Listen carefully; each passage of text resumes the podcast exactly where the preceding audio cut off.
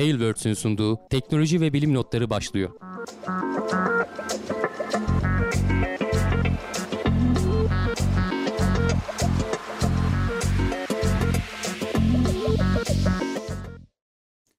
Teknoloji ve bilim notlarına hoş geldiniz. Ben Hamdi Kellecioğlu. Karşımda Volkan Ekmen var. Her hafta olduğu gibi teknoloji ve bilim dünyasından haberlerle karşınızdayız. Nasılsın Volkan? Çok iyiyim abi teşekkür ederim. Seni sormalı sen de iyisindir umarım. Ben de iyiyim. Bir sıkıntı yok. Keyfim yerinde. Her hafta olduğu gibi gene buradayız. Dolu dolu haberlerle. Başındayız. Evet haberlerimiz dolu. Yine ilk başta bir uzay yolculuğu yapacağız. Ondan sonra e, bilimsel verilerin derinliklerine dalacağız. E, insanlıkla evet. alakalı haberlerimiz var. Onları konuşacağız. E, bakalım bu geçen hafta bilim ve teknoloji gündeminde neler yaşanmış. İlk haberimizle başlamak istiyorum. E, NASA'dan Starship'in Artemis 3 görevine e, yetişemeyeceği konusunda endişeli. Artemis evet. 2025'te mi planlanıyordu? Şimdi Artemis 3 evet 2025'in sonlarında hani Aralık 2025 diyelim planlanıyordu. Artemis 3'ün özelliği neydi? 1 ve 2'den sonra bir önce normal şey görev olacak. Hani oraya bir tur atıp geleceklerdi. İki işte insanlı bir tur olacaktı. Üç artık insanı yüzeye indireceklerdi değil mi? Üç tane şey bu. Artemis 3 işte hani 1 ve 2 nispeten yapılabilir görevler ki yani biri biri yaptılar değil mi ya biz izledik onu. Ve bende de artık karıştı o kadar çok görev şey yapıyoruz ki Orion kapsülü gitti geldi Artemis 1'i gördük bile tabi. Ee, Artemis 2 de hani aradan çıkar insanlı bir denemeyle ee, aynı şeyi tekrarlayacaklar. Ee, ama Artemis 3'te işte SpaceX'in o Ay'a iniş sistemi HLS Human Landing System dedikleri SpaceX'in o Starship'in özel bir versiyonunu şöyle işte grafikleri falan da var ama tam olarak böyle mi olacak? Ee, dikey iniş yapacak bir versiyonunu e, SpaceX'in hazır etmesi lazım. Ama e, bir yandan hani sürekli onun da haberlerini takip ediyoruz. E, daha aletin uçtuğunu görmedik.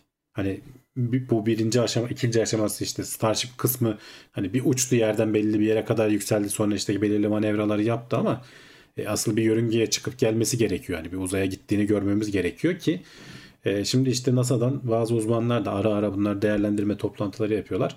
Şey demişler yani bu SpaceX acaba yetişecek mi? Hani daha uçtuğunu göremedik falan. Çünkü şöyle bir durum var. Bu HLS'nin Human Landing System'in e, bir kere fırlattığın zaman doğrudan Ay'a gitmiyor. Mesela bu Orion kapsülü falan gibi değil. Bu önce bir fırlatıyorsun. Sonra diğer fırlatmalarla yörüngede yakıt alacak. Yakıt aldıktan sonra ay yörüngesine gidecek. E, yani bir fırlatmada onun tam sayısını söylediklerini hatırlamıyorum ama hani herhalde en az 3-4 tane falan Starship bir tanesi işte bu şeye çıkacak e, Ay'a gidecek olan modül e, yörüngeye çıkacak. Orada diğerleri tanker modüller alttan yakıtı doldurup yukarı getirecek. Yörüngede bir de bu yakıt aktarımı çalışmasını da yapman lazım. En azından bir göstermen lazım çalıştığını. Dolayısıyla SpaceX'in yapacağı çok iş var. Şimdi e, geçmişte de biliyorsun gecikmeleriyle ünlü. E, her ne kadar bazı firmalar gibi olmasa da hani bazı firmalarda Boeing geçen hafta konuşmuştuk. E, ama sonuçta e, 2025'te hemen göz açıp kapayıncaya kadar gelecek bir zaman. 2 yıl var. Çok hızlı geçecek bir zaman. E, dolayısıyla uyarısını yapıyorlar. E, ne olabilir? 2026'ya sarkabilir falan diyorlar. E, normal çok da problem olmaz herhalde 2026'ya sarksa Artemis 3 görevi. Kimse de o niye sarktı demez. Yeter ki e, Starship çalışmaya başlasın. Bu e, şeyden çok daha önemli bir şey aslında. Artemis görevlerinden çok daha büyük değişimler getirecek bize e, Starship. O yüzden e, hani sonuçta NASA'nın bir açıklaması, duyurusu e, takip edelim diye haber olarak aldım. Ama bir gecikme olursa da çok da şaşırmam açıkçası. Yani hani bir yıllık falan bir gecikmeden bahsediyoruz ama böyle büyük bir görev için senin dediğin gibi bence çok kafaya takılacak rakamlar değil. Hani biz başka görevlerde kaç yıllık gecikmeleri hatırlıyoruzdur burada konuştuğumuzu da zaten. Ee, yani bu Starship ve Artemis görevi e, önemli bir yere sahip. Hani ilk hedef bence zaten hani sorunsuz bir şekilde başarabiliyor olmak. O yüzden böyle küçük gecikmeler kafaya takılmaz diye düşünüyorum ama bakalım yeni haberler de gelirse gene gündemimizi alır. Bu arada hani şey de var işin teknik boyutunun yanında hatırlarsan FAA izni bilmem nesi falan hikayesi de var. Hani birinci fırlatmada izin alabildiler zar zor sonra davalık oldular biliyorsun. SpaceX'te yine geçen haftalarda konuşmuştuk. Ee, ben de savunma yapacağım diye davaya katıldı falan. Oradan da hatta işte ne kadar para harcadığını falan öğrenmiştik. Hani işin bir de regülasyon işte e, kurumsal boyutu da var. Hani devlet kurumları ile ilgili kısımlar da var. E, belki o kısımların da aşılması zorlaşacak. Hani teknik şeyler bir şekilde çözülür. Eninde sonunda biraz gecikmeyle de olsa. E, ama bir de işin Hı hı.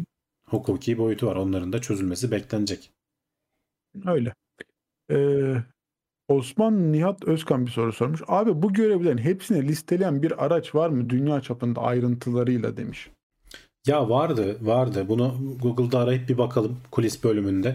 Ben vardı diye hatırlıyorum ama tam şurasıydı diye hatırlamıyorum. Ama bütün uçuşların listelendiği böyle bir e, roket e, fırlatmalarının falan listelendiği bir site vardı.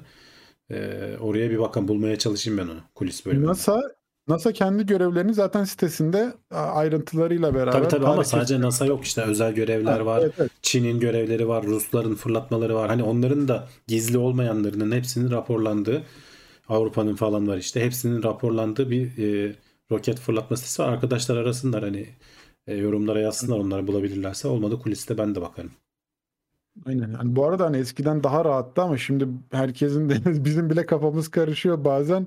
O kadar çünkü görevler e, üst üste Tabii, ve tabii. daha aralıklarla gelmeye başladı ki Ya baksana Ar- Ar- Artemis ne 1'i unuttum yani. Hani bir Yani ay gitti öyle, geldi öyle. alet dünyaya başarılı indi falan. Şimdi konuştukça hatırlıyorum bütün haberlerini ayrıntıyla yaptık. Ama araya o kadar çok haber giriyor ki artık unutuyor insan. Yani uzay ve havacılık adına bu işlemler artık çok hızlı olmaya başladı. Yetişmek zor. Ee, Serhat 45 liralık bir destekte bulunmuş. Kalp göndermiş bize. Çok teşekkür ederiz bu güzel desteği için. Ee, Hacı. Bayram Ataş 21 aydır üyeymiş. TeknoSeyir Plus grubuna gelmiş o da.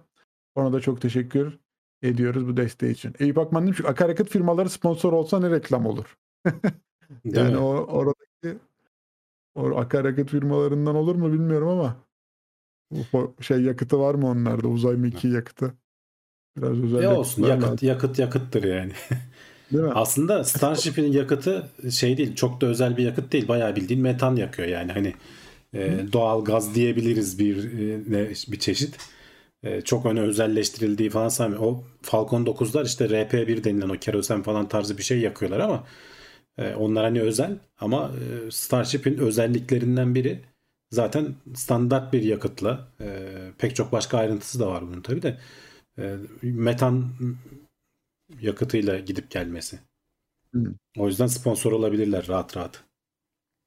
O zaman yani Türkiye Petrolleri falan hani TPO sponsor olsa Değil mi? güzel reklam olur. Olabilir. Yakıtları hangi firmalar sağlıyor demiş de e işte yani bizim bildiğimiz firmalar sağlıyordur aslında. Çok da farklı biri sağlamıyordur.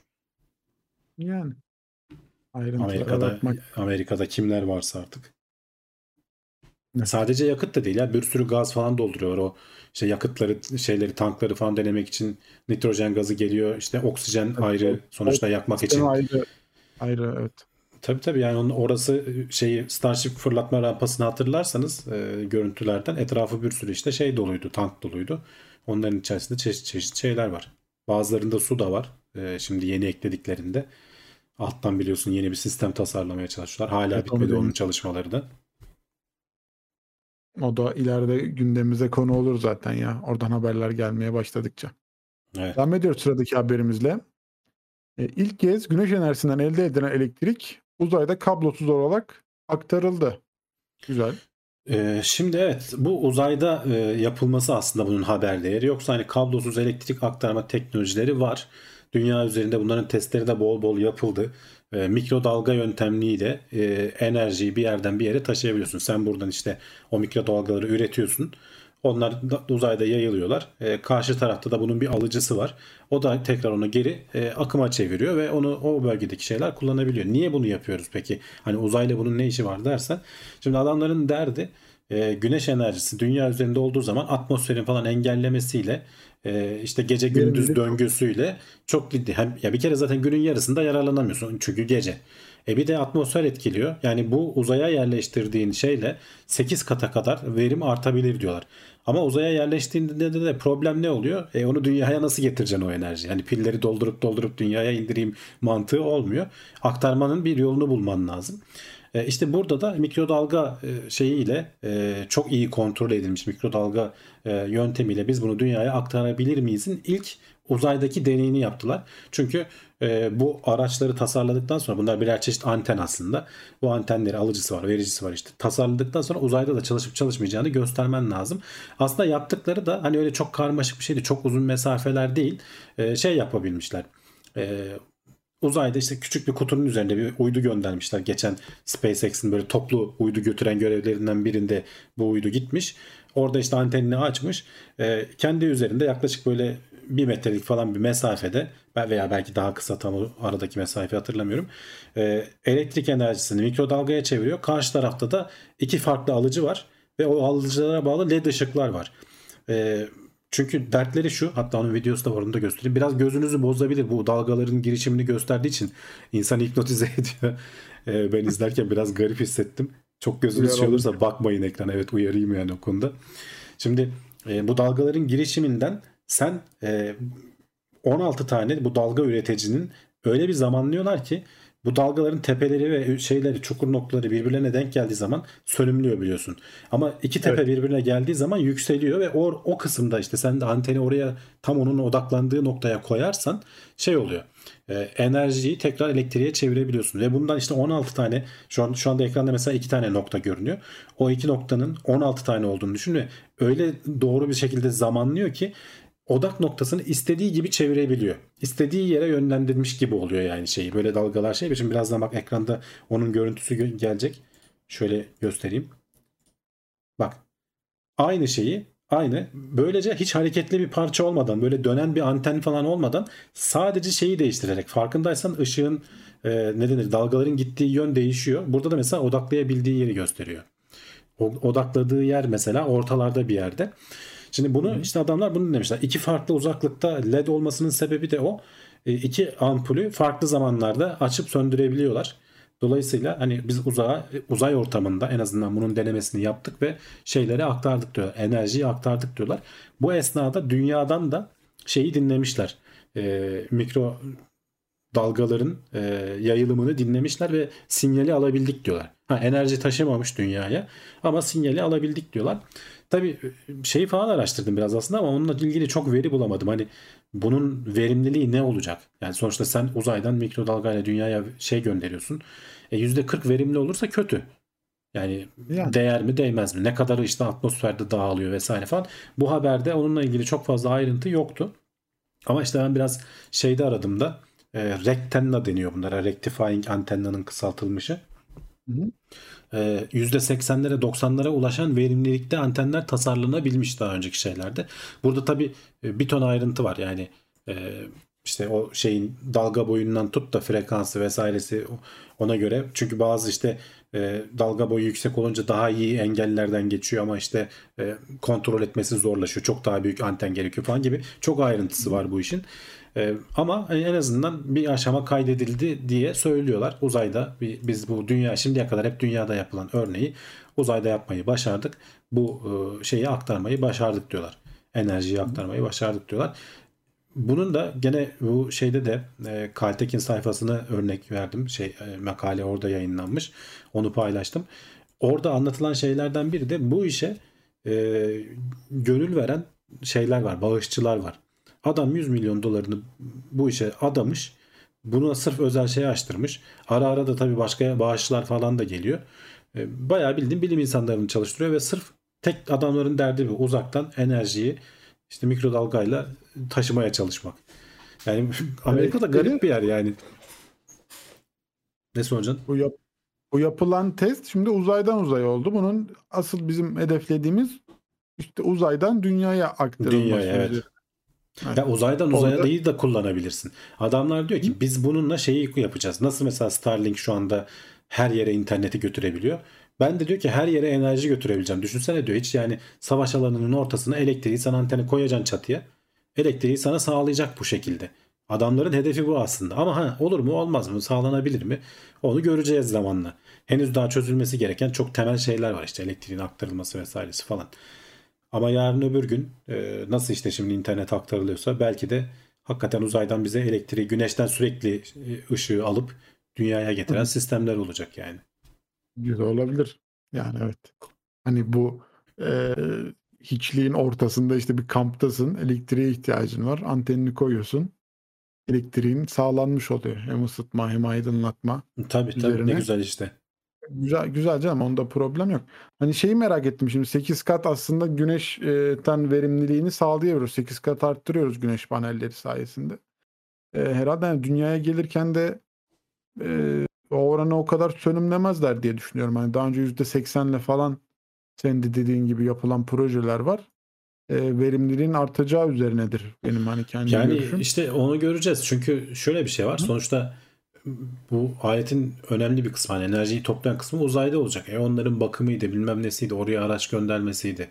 Bir yandan şeyleri falan da denemişler tabii. O küçük böyle olabildiğince küçük bir alana küp şeklinde bir işte o uyduyu gönderiyorsun. E uzaya gittiği zaman açılıyor böyle bir sürü 50 metrelik falan e, bir şeye ulaşıyor, çapa ulaşıyor ki hani sonuçta büyük bir alandan enerjiyi toplayabilsin. E o topladığı enerjiyi işte bir yandan da şey de denemişler. E, dalgaya çevirip sonra tekrar dalgadan enerjiye çevirebiliyor muyuz? Elektriğe çevirebiliyor muyuz? E, onu denemişler. Eyüp Akman demiş güneşten bedava toplayabiliyorsak ilk etapta verimlilik ön planda olmaz. Sonuçta bedava enerji demiş ama o üretim maliyeti e, o uzaya gönderilen cihazdan üretim maliyeti falan içine katıldığı zaman hiçbir zaman bedava olmuyor. Tabii O tabii. içerik- Yani onun işletmesi bile müvayettir. Bir şeyler bozulacak, Aynen. edecek falan. Mutlaka bir şeyi olacak, maliyeti olacak ama karşılayabilir. Sonuçta güneşten mis gibi alıyorsun e, enerjiyi. Eğer düzgün bir verimli aktarmayı da başarabilirsen e, gayet güzel bir sistem olur. Erkan abi Ahmet demiş ki ayın karanlık yüzünde uydu ile enerji aktarımı yapılabilir. Orada bir yanlış anlaşılma var Erkan. Ayın karanlık yüzü karanlık değil. Bazen karanlık yani gün, güneş gibi dünyanın günü gibi bazen karanlık bazen aydınlık oluyor. Ee, bize uzak yüzü demek daha doğru. Hani onu yanlış e, Evet. algılıyoruz. Aslında aynı bize olan bize dönük olan yüzü nasıl gece gündüz oluyorsa bize uzak olan yüzü de gece gündüz oluyor. Evet. Yani yarım ay hilal olduğu zamanlardan yola çıkarak mantık kurulabilir. Kavramak açısından. Ee, Ahmet Şahinor şey demiş. Tesla'nın atmosferden elektrik dağıtma fikri vardı sanki demiş. Ya Ben öyle bir haber hatırlamıyorum ama Ben de hatırlamıyorum Varsa- ama vardır yani. Olabilir öyle bir. Mutlaka yani. birileri düşünmüştür evet. Evet. Evet devam edelim sıradaki haberimize. Ee, ilginç bir haber UFO'larla alakalı. Eski bir e, istihbarat görevlisi ABD'nin dünya dışı varlıklara ait araçları yıllardır topladığını açıklamış. Onun üstüne ortalık karışmış. Evet yani çok da karışmadı aslında da e, ben de biraz clickbait yapayım dedim ortalık karıştı Hı. diye. Şimdi normalde hani bu tarz böyle UFO haberlerini çok almıyorum çünkü ortada doğru düzgün bir e, delil yok. Bu haberde de aslında delil yok. Ama bu iddiayı ortaya atan adam 37 yaşında bir abimiz David Grush mıydı öyle bir ismi var. E, evet Da- David Grush. Eski istihbarat görevlisi yani Amerika'da birkaç farklı kurumda hatta çalışmış. Hatta bunların UFO e, işte tanımlanamayan e, hava olayı diyorlar işte UPA diye geçiyor artık. E, resmi adı UFO ismi biraz kirlendiği için hatırlarsan bunu da daha önce konuşmuştuk. Bu tanımlanamayan hava olaylarını araştırmakla görevli komisyona işte e, bazı devlet kurumları tarafından Amerika'nın istihbarat kurumları tarafından e, şey olarak atanmış. Hani görevli olarak atanmış. E, ve hani Afganistan'da falan savaşmış madalyalı falan bir adam yani aslında. E, çok yaşlı falan dedi. Hatta bak şuradan yüzünü de göstereyim. E, bir e, bu şeyin bir e, röportaj yaptılar. Bunun tam bütün tamamı yayınlanmadı. E, sadece bir, küçük böyle bir 10 dakikalık falan bir kesitini yayınladılar. Adam ama bu aralar habire şeye e, medyaya farklı farklı kanallara röportajlar veriyor ve söylediği şey şu e, net bir şekilde diyor ki Amerika e, ve diğer devletler de buna dahil e, dünya dışı pek çok işte şeye ulaştılar. E, işte düşen uça- uçaklar, uçan daireler vesaireler. Hatta bunların içerisinde bazılarında pilot milot vesaire falan da vardı. E, ama bunları çok güzel bir şekilde gizlediler ve hatta bunu onlarca yıldır yapıyorlar. Hani ilk adamın verdiği örnek tabii 1933'te Mussolini İtalya'sında düşün, düşen bir aracı e, Mussolini ele geçirmiş. Sonra bu Amerika'ya taşınmış falan. Yani bu kadar ayrıntı veriyor. Sıkıntı şu. e, adamın hiç elinde bir delil yok. Kendisi bunlara birinci elden şahit olmamış. Hep üst rütbeli başka tanıdıklarından kendine alan aldığı bilgileri aktarıyor aslında adam. Ama e, bir yandan da e, adamın hani işte çok tutarlı olması. İşin ilginç ha şu da bir ilginç bir şey. Pentagon'dan da izin almış röportaj sırasında. Şimdi adam röportaj veriyor gazeteye. Şimdi adam eski istihbarat görevlisi ya. Ver, röportaj vermeden önce Savunma Bakanlığı'ndan, Pentagon'dan izin alman gerekiyor. Çünkü hani politikalara uygun mu konuşuyorsun? Söylediğin şeyler bir gizlilik taşıyor mu? Pentagon'dan izin alınmış. Şimdi diyorlar ki Pentagon buna izin verdiyse ya yalandır. Çünkü hani giz, gizliliği olsa izin vermezdi. Değil mi? Yani sonuçta bir şeyleri gizlemeye çalışıyor. E gizliliği yoksa yalansa buna izin veriyorsun. Bu sefer Pentagon'un e, ve e, ne denir medyayı karıştırıyorsun. Yani Pentagon buna niye izin verdi? Yani o, o da bir garip. O da bir muamma. E, tabii bu böyle çok gündeme gelince falan e, Zaten adam 2021 yılında ilk şikayetlerde bulunuyor bu arada. Diyor ki e, bu Amerika'daki Temsilciler Meclisi bir araştırma komisyonu kurmuş bu işte UFO'larla ilgili. E, orayı yanıltıcı istihbarat verdiler diye adam 2021'de şikayette bulunuyor. Bu e, soruşturma hala devam ediyormuş bu arada. Buradan bir şey çıkmayacağını düşününce herhalde buralardan da eski istihbarat diyoruz. Buralardan da ayrılmış artık adam.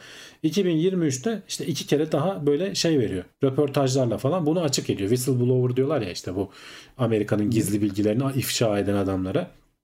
Ee, e, Türkçesi ne olur bilmiyorum whistleblower'ın. Düdüğü öttürüyor yani adam şu anda öyle söyleyeyim tam birebir çevirirsek. Ee, ve yani ilginç bir şekilde şimdi tabii şeyde önce büyük e, şeylere gidiyorlar. E, haber kuruluşlarına gidiyorlar ama onlar yayınlamıyor. Hani yeterince delil olduğuna inanmıyorlar, ikna olmuyorlar. Onlar yayınlamıyor. O yüzden böyle e, The Defense mı, The Defendant mı öyle bir garip bir yerde yayınlanıyor. Biraz böyle işte duyulmaya başlandıkça e, diğer kanallar falan da işin içerisine girmeye başlıyor. Yavaş yavaş aslında bir şeyler oluşmaya başladı. Yani biraz daha böyle bilgiler yayılmaya başladı. Buradan e, başka araya giren hani şeyler e, bu arada röportajları yapan gazeteciler de çok da öyle boş adamlar değil. Hani tamamen böyle komplo teorileri peşinde koşan ufologlar falan değil yani. E, biraz daha ayakları yere basan, geçmişte Savunma Bakanlığı'nın işte böyle gizli UFO projelerini açığa çıkaran, hani UFO projeleri dediğimizde hani araştırmayı araştırma projelerini açığa çıkaran adamlar o gazetecilerde. Hani bununla röportaj yapanlar falan. Onlar şey diyorlar yani biz bu adamın background'unu falan kontrol ettik tutuyor diyorlar. Yani söyledikleri geçerli gibi görünüyor ama tabii ki birinci elden herhangi bir şey e, kanıt sunamıyor adam diyorlar. Zaten muhtemelen de yasak e, olurdu diyorlar hani bunları sunması. Böyle garip bir durumda kalmış bir durumda şu anda ortam. Hani ortada bir delil de yok ama adamlar da var. Başka araya da çıkanlar da oluyor. Mesela e, Michael Schellenberger diye bir adam var. Diyor ki ben geçmişte şeylerle de konuştum diyor. Bu adama bilgi veren, Mr. Grash'a bilgi veren, David Grash'a bilgi veren başka kaynaklarla da görüştüm. Amerikan hükümetinin elinde şu anda 12-15 tane insan insanlığa ait olmayan araç var. Bunlardan en az e, 4 tanesi farklı böyle şekillerde, şemallerde, bizim hani tanımadığımız şekillerde. 6 tanesi iyi durumda, 6 tanesi kötü durumda falan gibi böyle çok ayrıntılı bilgi veren adamlar da var. İsimleriyle falan çıkıyorlar hani bunlar şey değil. E, ama işte dediğim gibi ortada da doğru düzgün bir bilgi yok. Tabii ki şimdi şey açıklama yaptı. Ha bu arada NASA da açıklama yaptı. Hani bizim bilgilerimize dair klasik açıklamasını yaptı. Yani geçmişte biliyorsun geçmiş haftalarda falan da konuştuk. NASA'nın bir bu UFO'ları falan araştırma şeyi var, komitesi var. Biz bir şeyi bulamadık. Hani bize rapor edilen 140 küsür taneye baktık. İşte hepsi doğal şekillerle açıklanabiliyor. Bir tanesinin de hala çözümünü arıyoruz. Bulamadık falan gibisinden açıklamalar var. Amerika'nın gene bir başka savunma bakanlığına bağlı kuruluşu işte All Domain Anomaly Resolution Office Türkçesi nasıl olur? Tüm alanlardaki anormallikleri çözümleme ofisi gibi bir şey var böyle. Daire başkanlığı diyelim yani. Adamlar bu garip olayları çözmeye çalışıyorlar. Onlar da diyorlar ki hani bizim bu e, ifadelerle ilgili herhangi bir bilgimiz yok. Bize ulaşan bir şey yok. Biz şimdiye kadar böyle bir şey görmedik. Resmi açıklama bunlar. Beyaz Saray'ın sözcüsüne soruyorlar e, gazeteciler bu konu hakkında ne düşünüyorsunuz diye. Ben bunun, bununla ilgili açıklamayı Savunma Bakanlığı'na bırakıyorum diyor mesela. Beyaz Saray açıklama yapmıyor. Savunma Bakanlığı'na topu atıyor. Yani hani bilmiyorum belki de orada normaldir. Hani bizde şimdi her şey Cumhurbaşkanlığı işin içine giriyor ama hani orada biraz daha bakanlıklar ilgi alanlarıyla ilgili belki daha çok e, şey oluyordur falan. Yani bilemiyorum şu anda ne düşüneceğimi ben de bilemiyorum. Çünkü hani bu sıradan bir e, UFO durumu da değil. E, ama ortada da bir şey de yok gibi. Şey de garip geliyor bana. Tabii 1933'ten beri bulunmuş şeyler. Bak İtalya'daki o Mussolini'nin bulduğu 1933'te bulunmuş. Amerika'ya 1944'te 45'te getirilmiş. Ve buna düşün yani bütün devletler falan bunlara sürekli karşılaşıyor ve bunu yani hiç mi sızmıyor? Hiçbir bir görüntü çıkmaz ortaya. Yani herkes mi gizleyebilir? O aklıma yatmıyor mesela benim. Hadi diyelim Amerika muhteşem çalışıyor ki onlardan daha biri sızıntılar oluyor işte. Ulan burada Mussolini'den bahsediyoruz. Diğer devletler var. Yani hiç mi Türkiye'ye düşmedi de oradan sızmadı ya da daha kötü bir e, üçüncü dünya ülkesi diyelim. Hiç mi oralara düştü, düşmedi de bu şeyler araçlar sızmadı ortalığa. Yani Böyle bazı Amerika'ya düşer abi evet. Hayır, ama işte bak adam diyor yani e, bu İtalya'ya düşmüş. Oralardan aldık geldik diyor yani. Savaştan sonra muhtemelen işte 2. Dünya Savaşı kazanılınca İtalyan hükümeti devrilince. E, yani bu, bu, bu çok garip yani hakikaten dediğim gibi şu an herkes konuşuyor ama ortada bir şey yok. Böyle biraz çarpıcı şeyler söyleyenler de var. Şimdi e, Temsilciler Meclisi şey dedi biz dedi tekrardan soruşturma başlattık. Bu adamı da alacağız dinleyeceğiz. Ama adam dediğim gibi hani bu söylediklerinin dışında ekstra bir şey de hani bir delil de sunamıyor. Çünkü kendi de söylüyor. Ben diyor birinci elden görmedim bunları. Ama bana anlatılanlar var diye anlatıyor adam. Ve diğer görevliler şeyi de söylüyor. Bu e, şimdi Amerika'da o kadar çok istihbarat kuruluşu var ki hani biz CIA'yı, FBI'yi falan biliyoruz ama bak az önce ne saydım? National Geo bilmem ne Spatial Intelligence var. Yok Ulusal Gözlem İstihbarat Ofisi var bilmem ne. Yani bir sürü bunların hepsi ayrı ayrı e, istihbarat kuruluşları. Amerika'da bunlar hep birbirlerini denetleyen farklı alanlarda çalışan kurumlar. Diyor ki yani bazı kurumlar mesela bu işte e, ulusal e, neydi tanımlanamayan şeyleri çözme ofisinin haberi olmayabilir. Amerika'nın sağ eli sol elinden haberdar değildir falan diyor adam. Yani gizliyorlar diyor. Yani onların da çünkü clearance hani bir yetki seviyesi oluyor ya. O adamların o yetkisi yok. O bilgiler onlara verilmez. Amerikan hükümeti kendi kendinden veri saklayabilir falan gibisinden bir şey söylüyor adam. Güzel. Yani hakikaten bilmiyorum. Dediğim gibi ne düşüneceğimi ben de bilemiyorum. Takip ediyoruz. Daha yavaş yavaş açılmaya başladı. Hala büyük şeyler işin içine girmediler. Çünkü ikna olmamışlar. Mesela e, şey e, kimlerle görüşmeye çalışmıştır. Bakayım onları bir bulmaya çalışayım. E, neyse çok önemli değil. Şimdi o şeylerin mesela işte New York, The Telegraph falan gibi hani büyük yerler pek böyle şey yapmamışlar. Yüz vermemişler. Adam onlarla da görüşmek istiyor başta ama ee, onlar hani çok daha böyle elle tutulur şey olmadan e, haberler olmadan deliller olmadan bu işe girmek istememişler. Neyse takip etmeye devam edeceğiz. İlginç bir şeyler var. Son zamanlarda da sayısı artmaya başladı farkındaysan. Ha bir böyle UFO'ydu bilmem neydi falan şeyler konuşuyoruz. Hani bu bir e, moda mı yoksa hakikaten acaba ortamın zemini mi hazırlıyorlar? Bir yandan da insan böyle ister istemez kafası karışıyor komple teorilerine gidiyor bizim de aklımız. Ee, bir şeyler çıkacak herhalde. Bakalım. Yani ufak ufak dumanı tütmeye başladı. Yani e, hani konunun bilmiyorum hani insanlık yararına ya da zararına bir etkisi var mı? Hani baktığın zaman bugüne kadar eğer ki böyle olaylarda yaşandıysa şimdiye kadar hani biz olumlu ya da olumsuz bir etkisini görmedik diye düşünüyorum. E, ya da hani insanlığa bu yansıtılmadı diye düşünüyorum. Ee, ben o yüzden çok böyle ya aman abi dışta da bir şeyler de varmış oradan da gelmiş şunlar da gelmiş bunlar da gelmiş dediğimiz bir noktada ne kadar bir etkisi olur bilemiyorum açıkçası. Yani burada iddiaları sunan abinin de elinde bir kanıt yok. Hani bence iddiayı sunan makam kanıtlamakla da mükelleftir benim görüşüme göre. Adam ben işte bir iki üstlerimden duyum aldım bu şekilde bu şekildeydi diye biliyor sadece. Yani belki de sadece diyebiliyor yani hani bilemiyoruz Evet, Olayına dayanamıyoruz. Belki de o kadar da risk almak istemiyor yani. Almak belki de istememiş. ya da ortamı kokluyor. Belki bir süre sonra belgeleri de böyle tak diye koyup masanın üstüne atacak yani adam. Bilmiyoruz ki abi yani. Değil mi adam çünkü yani kaybederler seni ortadan bir anda işte. Hani böyle çok büyük şeyleri ifşa ettiğin zaman biliyorsun işte e, Snowden'ın başına neler geldi işte ne bileyim öteki evet, adam evet. neydi Julian Assange'ın başına neler geldi bak adamın peşine bırakmıyorlar yani mecburen oluyor evet yani bilemiyorum hani o yüzden böyle elle tutulur bir haber gözüme gözükmedi benim. Hani ileride daha böyle vallahi abi bak işte bizim de elimizde bu vardı böyle bir şey çıkardık.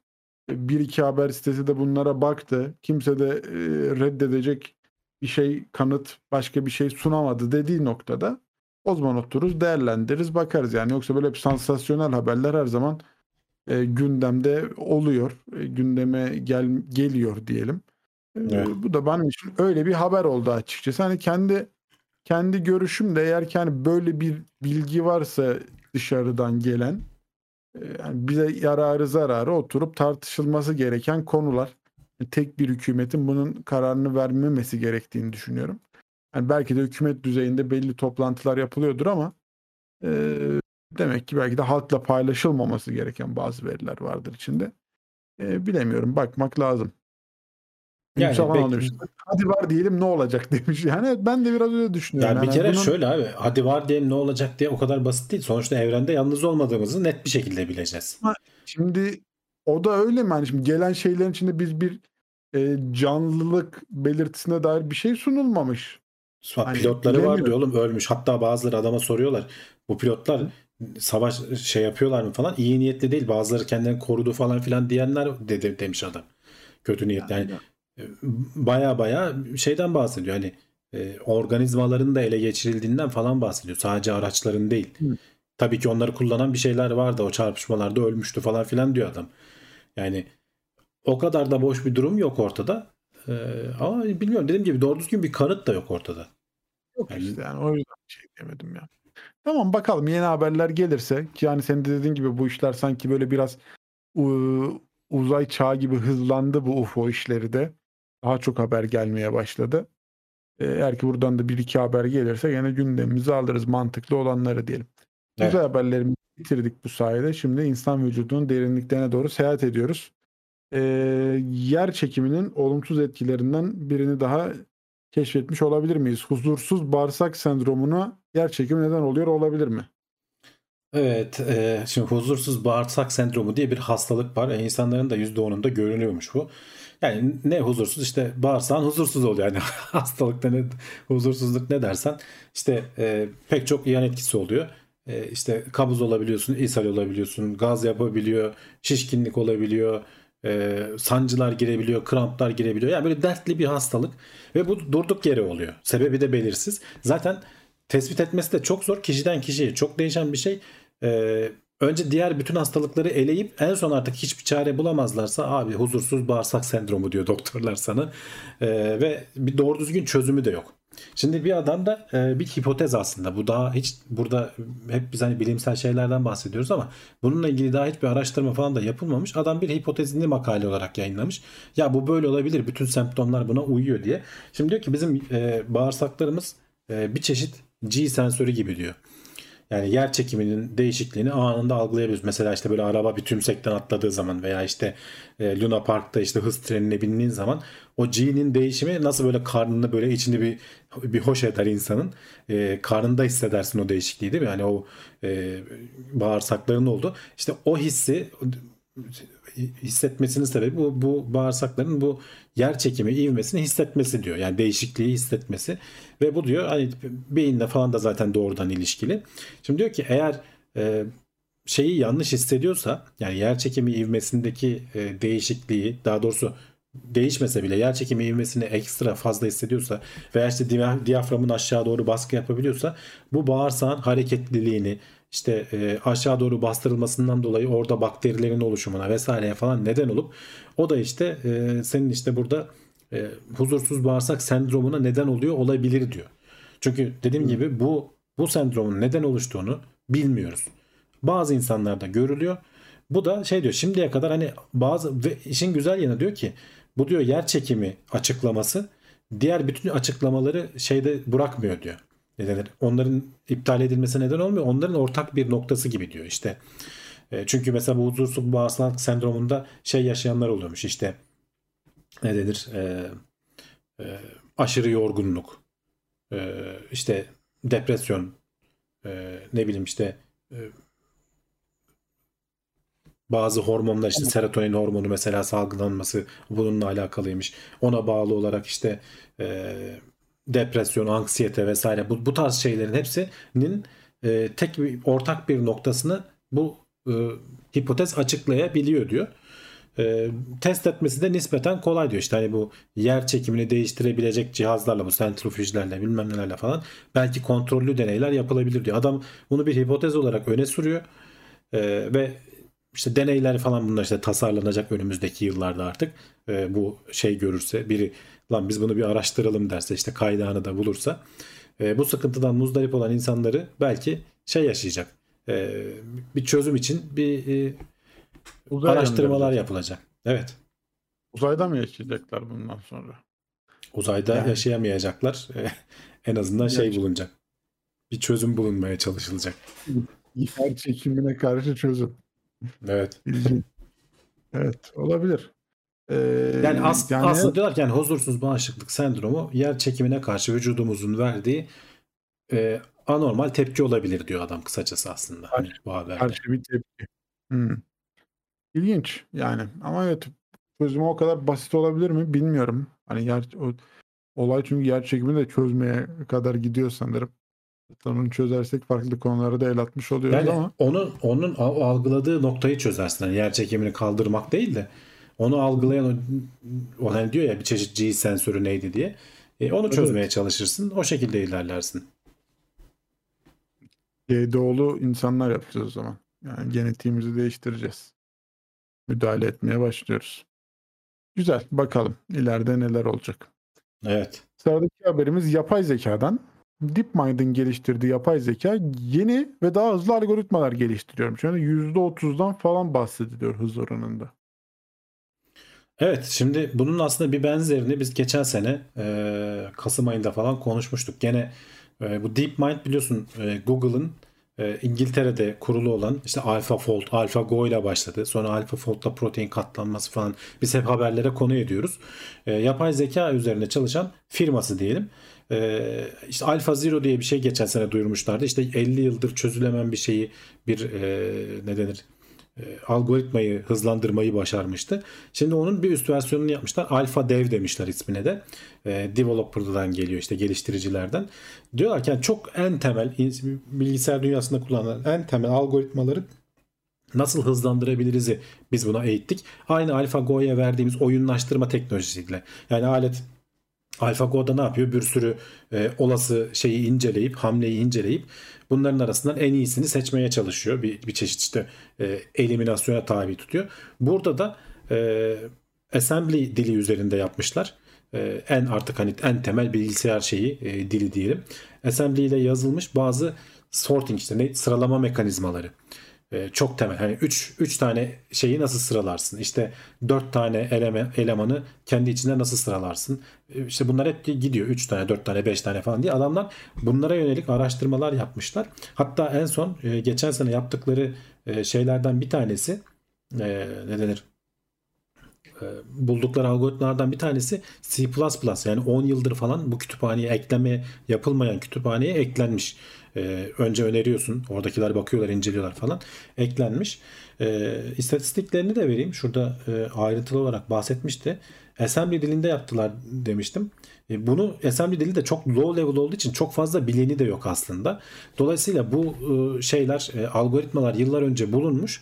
Sonra da üzerine çok düşünen olmamış. Yani hatta adamlar kendileri de lan biz bunu buna veriyoruz ama bu bunu çok da geliştiremez herhalde diye olaya yaklaşmışlar. Sonra e, 18 mesela 3 üçlü listeyi e, 18 hamlede sıraya dizerken Alpha Dev bir şekilde bunu 17 hamleye indirmiş. Şimdi çok az geliyor ama bu sıralama bu tarz böyle çok temel fonksiyonlar gündelik hayatımızda o kadar çok kullanılıyor ki. Yani burada sen 18'den 17'ye indirdiğin o nanosaniyelik fark e, toplanıp toplanıp e, günün sonunda yaptığın her işlemde saniyelere kadar varacak bir e, performans farkı yaratabilir. E, 4 dörtlü olan da şey bulamamış.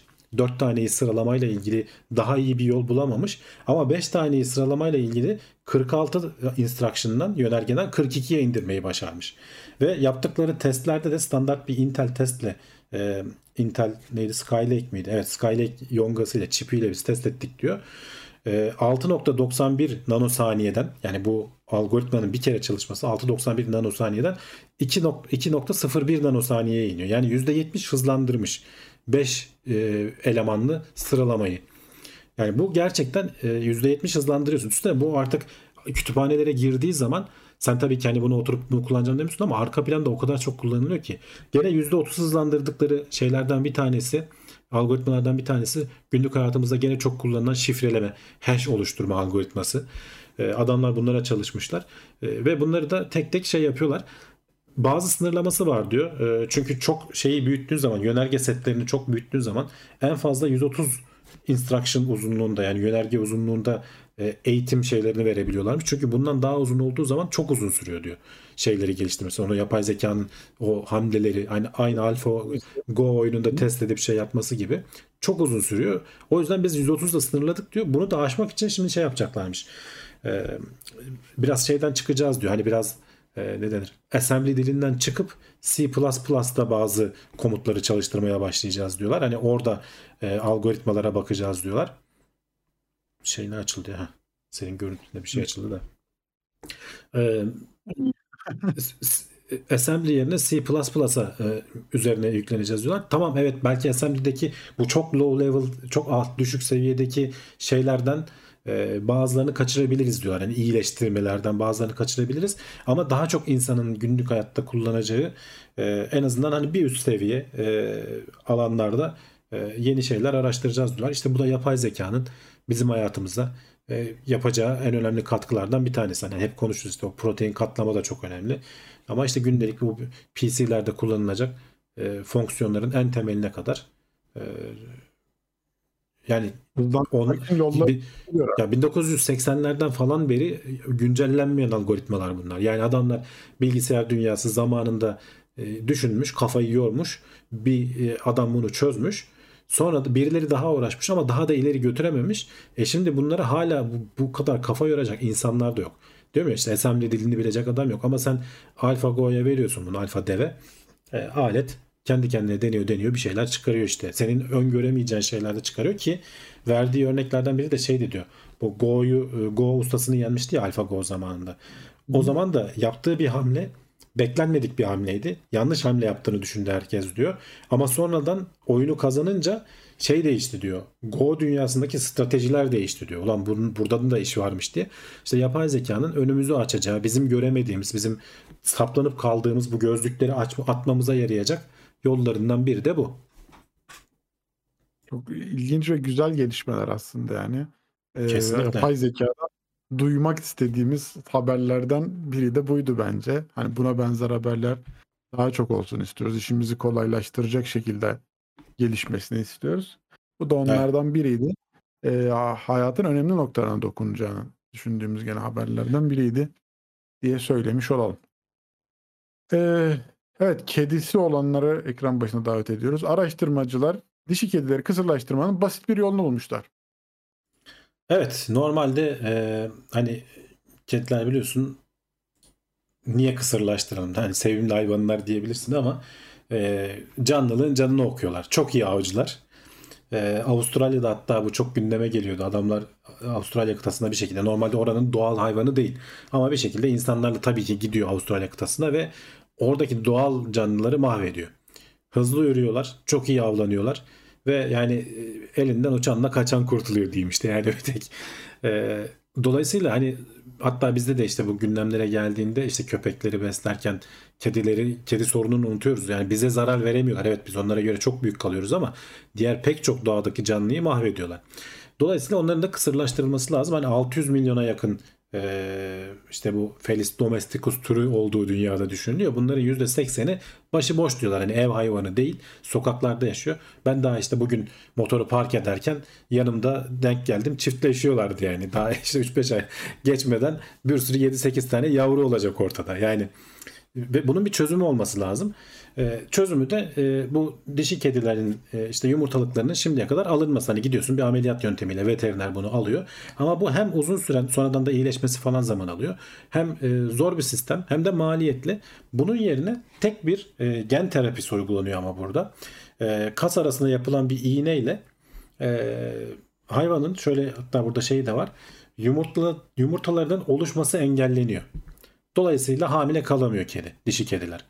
Burada da 6 kedi üzerinde denemişler. Ee, pardon 9 kedi üzerinde denemişler. 6 tanesine bu ilacı veriyorlar.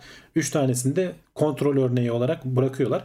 İlacı verdikten sonra e, bir ay boyunca e, hayvanlara çiftleşme seansı uyguluyor. Yani dişi kedileri erkek kediyle bir araya getiriyorlar. Günde 8 saat olacak şekilde. Ve şeyleri de takip ediyorlar. Davranışlarını da takip ediyorlar. Acaba hareketleri falan değişti mi diye. 6 kedinin 6'sı da hiçbir şekilde hamile kalmıyor. 3 tanesi daha ilk e, buluşmadan sonra hamile kalıyorlar. Dolayısıyla aletin çalıştığını e, ne denir bu iğnenin çalıştığına e, kanaat getiriyorlar. Sonrasında da 2 yıl boyunca takip ediyorlar. Acaba yaptığımız bu iğnenin bir zararı var mı veya bu etkileri azalıyor mu? Çünkü dediğim gibi gen terapisi bir, bir çeşit hormon salgılaması. O e, kas arasına yaptığın zaman o hücrelerde bir şeyi değiştirip bu işte şeyleri baskılayan, yumurtanın olgunlaşmasını baskılayan bir hormon salgılamasına neden oluyor kedinin. Dolayısıyla yumurta hiçbir zaman olmadığı için hayvan hem çiftleşmek de istemiyor. Erkek kediler hep kovmuşlar yanlarından bu diğer altılılar. Hem de e, yani çiftleşse bile yavrusu olmuyor hiçbir şekilde. E, ve üzerinden bir yıl sonra tekrar ölçümler yaptıklarında hala korunmaya devam ettiğini görmüşler. Şimdi şeyi takip ediyorlar. Ne kadar süre bu koruma devam edecek? Ömür boyu mu oluyor? Ki hani beklentileri o şekilde olması. Ömür boyu. Çünkü biliyorsun hani doğada kedilerin zaten ömrü 4-5 yılı geçmiyor aslında. Ee, ev kedileri çok daha uzun yaşıyorlar ama hani doğadaki kediler 4-5 yılı geçmiyor. Belki bu şekilde hani nispeten ucuz bir maliyetle e, kedi kısırlaştırması konusunda bir çözüm bulunabilir. Belki buradan elde edilen yöntemler diğer hayvanlar için de belki geçerli olabilir. Tabii ki hani fizyolojisi çok farklı kedinin köpeğin birbirine göre ama e, buradan edilen tecrübe belki oralarda da faydası olabilir yani öbür gün. Ee, yani o ben hani kısırlaştırma işlemi köpeğimi yaptığım zaman e, tanık olmuştum. Ben böyle basit bir işlem gibi düşünüyordum ama bayağı ameliyat ediyorlar hayvanı yani. Çok Tabii, tabii. uzun ve zor, zorlu bir süreç. Hani o günden sonra ya çok şey oldum hani ya hayvanları hem kısırlaştırmak hem çok zahmetli, meşakkatli manasında söylüyorum. Hem de hayvan için de çok e, bence zorlu bir operasyon. O yüzden böyle çok şey olmuştum yani kötü hissetmiştim kendimi ama bunun böyle bir iğneyle yapılabiliyor olabilecek olması fikri çok güzel. Hani hem rahat e, bir tedavi yöntemi olarak rahat e, hem de maliyeti de düşük olacağı için kabul göreceğini düşünüyorum. E, iki yıllık denemenin sonucunda da e, hormonların devam ettiğini yani aşıdaki gelen hormonların devam ettiğini gözlemlemişler. İler, ileriki testlerde de yani etkisi azalırsa herhalde başka bir iğneyle tekrar e, devam ettirilebilir diye düşünüyorum açıkçası ama hani ömür boyuysa da Ya gayet tabii onu işte etkisinin azalmasını istemeyiz. Çünkü bir daha nereden bulacaksın o hayvanı da doğada şey yapacaksın. O yüzden hani ömür boyu olmasında fayda var. O da takip Evet. ediliyor bakalım. Çünkü gen terapisi olduğu için oradaki hücreler değiştiği için muhtemelen onlar tamamen yok olup ölmediği sürece o hormonu salgılamaya devam ediyorlardır. Oranı biraz düşüyordur. Ama düş, zaten onu te- tespit etmişler. Oranı biraz düşmesine rağmen hala yumurtalıkların yumurta üretmesini baskıladığını tespit edebilmişler. Evet evet. Diğer hayvanlara yapılabilir mi? Onlar da herhalde başka araştırmaların konusu olacaktır diye düşünüyorum. Ee, etkisi ömürlük olabilirse müthiş demişler. Evet. Ee, tamam devam edelim. Spor haberimiz. Düzenli spor yapmak acı toleransını arttırıyor. Tamam güzel. Evet sağlığa faydalarının vesairenin yanında acı toleransını da arttırıyormuş. Ee, bununla ilgili şöyle bir araştırma yapmışlar. Norveç'te yapılmış. 10.732 kişiyi 7-8 sene aralıklarla iki kere teste sokmuşlar. Acı testine nasıl sokuyorlar dersen de buz gibi suya elini sokturuyorlar. Ne kadar süre tutabileceğini e, hesaba şey yapıyorlar. e, kayıt altına alıyorlar. E, işte 106 saniyeye kadar maksimum tutuyormuş herhalde. Daha da fazla dayanırsın artık donarak elini mi kaybediyorsun neyse artık herhalde risk almamak adına. Maksimum ne kadar tutabileceğine bakıyorlar. Tabii ki sonra da ortalamasına bakıyorlar. Bir 7 yıl önce yaptırmışlar bu testi. Bir de 7 yıl sonra tekrar e, aynı ekibe yaptırmışlar. Bu arada da tabii her birine anket doldurtuyorlar. Burada e, tabii şeyi söylemek lazım deneklerin kendi beyanlarına güvendikleri için hani bu spor ne kadar yoğun spor yaptıkları kısmı biraz tartışmalı. Hani bunu hep söylüyoruz bu ifadeye dayalı e, araştırmalarda bu böyle. Ama daha küçük çaplı aynı araştırmayı yapanlar var. Doğrudan denekleri takip ederek e, daha kontrollü bir şekilde. Hani 10 bin kişiyi takip etmek kolay değil. Orada biraz ifadeye dayalı yapıyorsun ama o daha küçük çaplı araştırmalar da benzer sonuçları veriyor. E, şey arttıkça, aktiviten arttıkça, yo- spor yapma oranın arttıkça e, acı eşiğin yükseliyor. Burada da e, işte elini e, spor yapanlar, düzenli olarak fiziksel aktivite yapanlar da elini suya sokma e, süresi 6.7 saniye daha uzunmuş. Yoğun spor yapanlarda bu süre 16.3 saniyeye kadar çıkıyor. Yani bir şekilde spor yapmak, aktif olmak senin acı eşiğini yükseltiyor. E, bu sayede de e, şey diyorlar yani hani bu da gene şeyde söylüyorlar biz böyle bir bağ tespit ettik hani güçlü bir bağ ama hani bu doğrudan şey değildir nedensellik anlamına gelmez. Hani bir korelasyon var burada ama onu da uyaralım bunun ayrıca araştırılması lazım diye söylüyorlar biz de söylemiş olalım. Bunun bir nedensellik anlamına geldiği söylenemez başka araştırmalarla bu ortaya çıkacak. Ama şeyi de gösterdiği için hani miktarla da değiştiğini de gösterdiği için çok ciddi bir korelasyon var. Hani az spor yapan az e, eşiği, eşiği artıyor. Çok spor yapanın çok acı eşiği artıyor. Bunun işte gündelik hayata avantajları var. Hani spor yaptıkça bu acı eşiğin arttıkça işte yaşlanmalarda hem spor olarak daha sağlıklı olursun hem de işte ufak tefek ağrıları hissetmiyorsun yani aslında tamam tam anlamıyla. Hani burada ağrıyı ölçebilmek için elini suya sokturmuşlar ama işte küçük çaplı mesela sırt ağrısı senin için önemli olmayabiliyor. Ama spor yapmayan bir adamsan belki spor yapan adamın hissetmeyeceği, duymayacağı ağrıyı sen bir ciddi ağrı, kronik bir ağrı olarak duyuyor biliyorsun. Yani bunu da bir e, gözlem olarak söyleyelim. Hani biz her hafta bir çeşit spor haberi veriyoruz yapmak iyidir diye. Bu da onlardan biri olsun. Ya ben şey merak ettim hani şimdi burada biz acı toleransını arttırıyor diyoruz ama aslında bir nevi vücudunu hissizleştiriyor spor yapmak. Evet. Diye de yorumlarım ben yani bunu şimdi. Evet. Hani, acı hissini. Soğuk, bilmiyorum hani hangi hissini diye söylüyorsan hani elini sonuçta suyun içine sokuyorsun ve onu soğuk olduğunu hissetmiyorsun. Yani bunu farklı şekilde yorumlarsan. Yok şöyle e, soğuk olduğunu hissediyorsun. Soğuk olduğunu hissediyorsun Hı. tabii ki canım. Soğuk ama, olduğunu hani, ama işte dayanamayacak noktan daha uzun sürede geliyor. Yani hani şey olarak düşünüyorum. Hani bunu farklı bir yönden de yorumlarsan aslında vücudunda belli bir noktayı hissizleştirmiş oluyorsun yani. Hani acaba bunun farklı bir etkileri olabilir mi? Tersten bir etkisi olabilir mi? Vücudun hissizleştirilmesinin. Onu düşündüm de. Ama herhalde spor yapmanın zararlı yönlerini bulmaya da çalışarak vakit kaybetmeyelim. Spor yapmak iyidir diyelim. Ee, Bak geçelim. Ahmet Şahinol demiş ki boşuna mı diyorlar acı yok raki diye. Hakikaten öyle. dayak, dayak yiyor ama o ya. Yani onun da etkisi var herhalde. O da etkiliyordur. Ha işte acı eşiği artık o kadar çalışmıyor ki adamın acı eşiği iyi olmuyor. Ağız göz yamulmuş hissetmiyor. Adrian diye geziyor böyle ortada. spor yapmak insana acı verir diye. İşte yap, başka yap, yaparken veriyorsun, borcunu ödüyorsun. Sonra sonra, sonra gerçek acıyı hissetmiyorsun. Olabilir, olabilir. Evet, günün son haberi ve belki de çok daha ilginç haberlerinden biri. Ee, çok nadir görülen bir mutasyon bir kadının 20 yıl sonra hapisten çıkması sağladı. Aslında bu haberlere falan da konu oldu. Ee, çocuklarının evet. ölümünde sorumlu olduğu düşünülen bir abla 20 yıl sonra hapisten çıktı. Evet. Şimdi 2000'li yılların başında e, 2003'te e, ömür boyu galiba hapse mahkum ediliyor. E, ismi de Kathleen Folbig diye Avustralya'da olan bir olay bu. E, bu kadının 4 çocuğu da e, işte biri 19 günlükken, biri 8 aylıkken, biri 10 aylıkken, biri de 18 aylıkken hayatını kaybediyor. Ve e, otoritelerde işte herhalde şikayet üzerine mi artık veya işte bilmiyorum nasıl oldu o ayrıntısı çok fazla haberde yok ama diyorlar ki hani bu, bu kadın çocuklarını boğarak öldürdü. Çünkü çocuklarda e, görülen bir şey de yok. Bir de dördünün de birden ölmesinin başka bir açıklaması yok diyorlar. E, ha çocukların üzerinde de bu arada hani herhangi bir fiziksel şiddet falan yok. Hani normalde hani boğarsan falan belli olur ya böyle bir işte vurursan vurursan bir iz olur bir şey olur.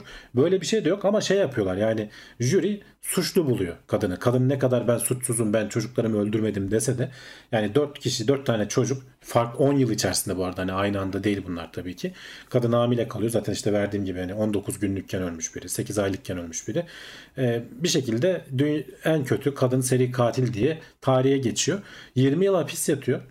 E, aradan geçen zamanlarda ki işte o zamanlar 2000'li yılların başında bu gen dizileme olayı çok maliyetliydi. Gitgide düştü bunun maliyetleri biliyorsun artık ağzımızda hatta biz işte firmalar çıktı sürüp gönderiyoruz bize bütün genlerimizi e, söyleyip işte oradan akrabalarını bilmem neyi falan söylüyorlar sana. Hani bu kadar artık kişilerin karşılayabileceği noktaya geldi. Şimdi bu e, araştırmalar da yıllar içerisinde de yavaş yavaş belli bir e, mutasyonun Kolm e, deniyor buna. CALM diye yazılıyor. Kolm mutasyonunun e, çocuklarda e, kalp durmasına neden olabileceği yavaş yavaş farklı araştırmalarla ortaya çıkıyor. Ve bunun da yani bu kadının çocukların da böyle ölmüş olabileceğini orada ayrıntısını tam vermemişler. Kadın kendisi mi başvuruyor yoksa bir grup bilim insanı bunu hatırlıyor da kadın adına mı başvuruyorlar? Sonradan hakikaten çocukların genlerine bakıldığında iki kızın da bu kol mutasyonu bulunuyor. E, kol 1, kol 2, kol 3 genleri var. Bu ilk ikisinde de kol 1 ve kol 2'nin de mutasyon bulunuyor ve dolayısıyla hani bunların kalplerinin kendi kendine durabileceği zaten solunum sorunları falan yaşayabileceklerini gösteriliyor. Bilimsel araştırmayla gösteriliyor. Ee, ama erkek çocuklarında diğer ölen iki erkek çocuğunda bu mutasyon yok. Ee, onlarla da onlarda da başka bir mutasyon varmış. BSN geninde bir mutasyon varmış.